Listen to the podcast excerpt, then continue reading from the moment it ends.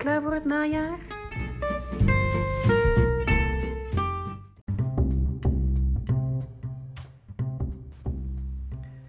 Het voorjaar van 2020 werd er eentje om u te zeggen.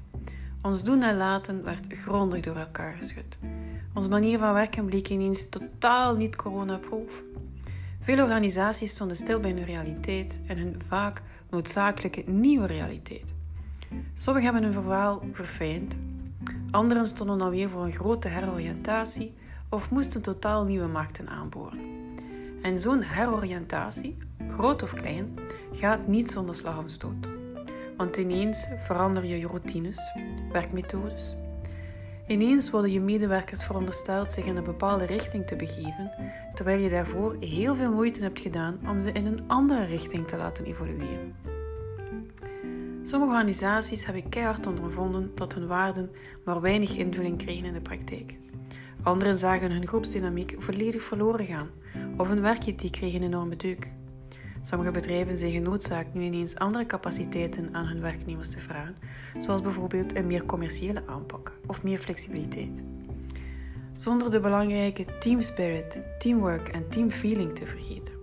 Samenwerken als een team zit er al lange tijd niet meer in. Van een groepsgevoel waarbij mensen gezamenlijk aan een bepaald doel werken, zitten we nu meer met individuen die voor eenzelfde organisatie werken. En dat is te mager.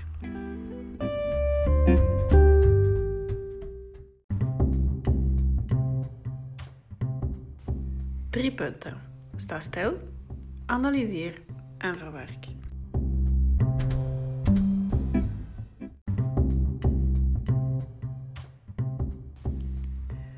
Als eerste, neem de zomermaanden de tijd om enkele zaken serieus onder de loep te nemen. En sta even stil. Want wat is nu je nieuwe doelstelling als organisatie? Wat moet ik doen om die doelstelling te behalen? Welke medewerkers heb ik nodig om die doelstelling te behalen? En hoe informeer ik ze over die nieuwe visie, missie, waarden of werkethiek? Meer nog, hoe activeer ik die nieuwe missie, visie, waarden of werkethiek? Welk type werkgever wil ik zijn? Wat is mijn werkgeversidentiteit? En wat wil ik dat de medewerkers vertellen over de organisatie? Hoe verbind ik mijn medewerkers aan de organisatie? Hoe werk ik aan engagement? Want eens in dienst wil je je natuurlijk in dienst houden. Dit alles vraagt voor een goed doordacht en integrale aanpak en communicatieplan. Eentje waarbij we starten bij de bron en daar strategie, communicatie, workshop en activatie geweest aan verder werken. Door nu alles goed voor te bereiden tijdens de zomermaanden, kan je het najaar krachtig en stevig inzetten.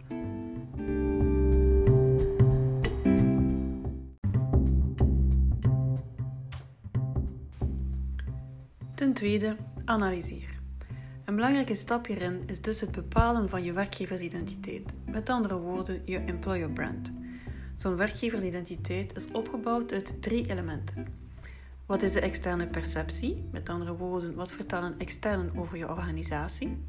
Wat is de realiteit? Hoe ervaren medewerkers dus het in de praktijk? En het aspirationele gedeelte, wat zijn jouw wensen en verwachtingen als organisatie? Die drie elementen samen geven je een werkgeversidentiteit dat stevig gefundeerd is, authentiek en bovendien toekomstgericht. Inhoudelijk wil je antwoord krijgen op voornamelijk vier elementen. Wat zijn het voor mij langs de kant van de kandidaat? Wat zijn de rationele en emotionele aspecten verbonden aan een job?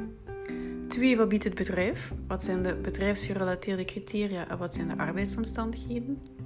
Drie, werkethiek. Wat is de mix van waarden, bedrijfscultuur en attitude? En vier, de beleving. Wat is de totaalbeleving van de medewerkers tijdens het recruteringsproces, bij het onthaal, zijn engagement, tot bij de exit, waarbij mensen afscheid van je nemen. Daarnaast bepaal je best ook interne personas.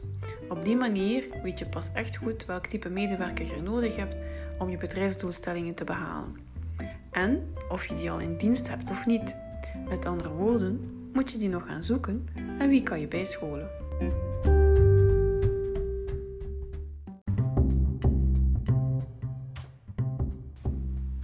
En 3. Verwerk.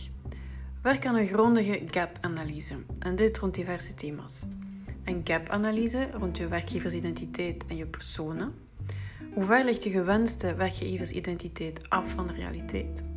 Hoe ver liggen je waarden en attitudes af van de praktijk? Hoe ver liggen gewenste persona's af van je medewerkers zelf? Is dat verschil klein? Dan heb je alleszins al een goede startsituatie waar een goed communicatieplan het geheel kan verstevigen. Is dat verschil groter? Dan moet je eerst grondiger kijken en bijsturen via workshops, individuele begeleiding, teambuilding en andere. Door aandacht te geven aan al die verschillende elementen, werk je terug aan die magie binnen je organisatie. Die magie die tot stand komt als mensen hun droomjob in hun droombedrijf hebben gevonden en waarbij ze tegelijk jou als organisatie helpen om jouw bedrijfsdoelstellingen te bereiken.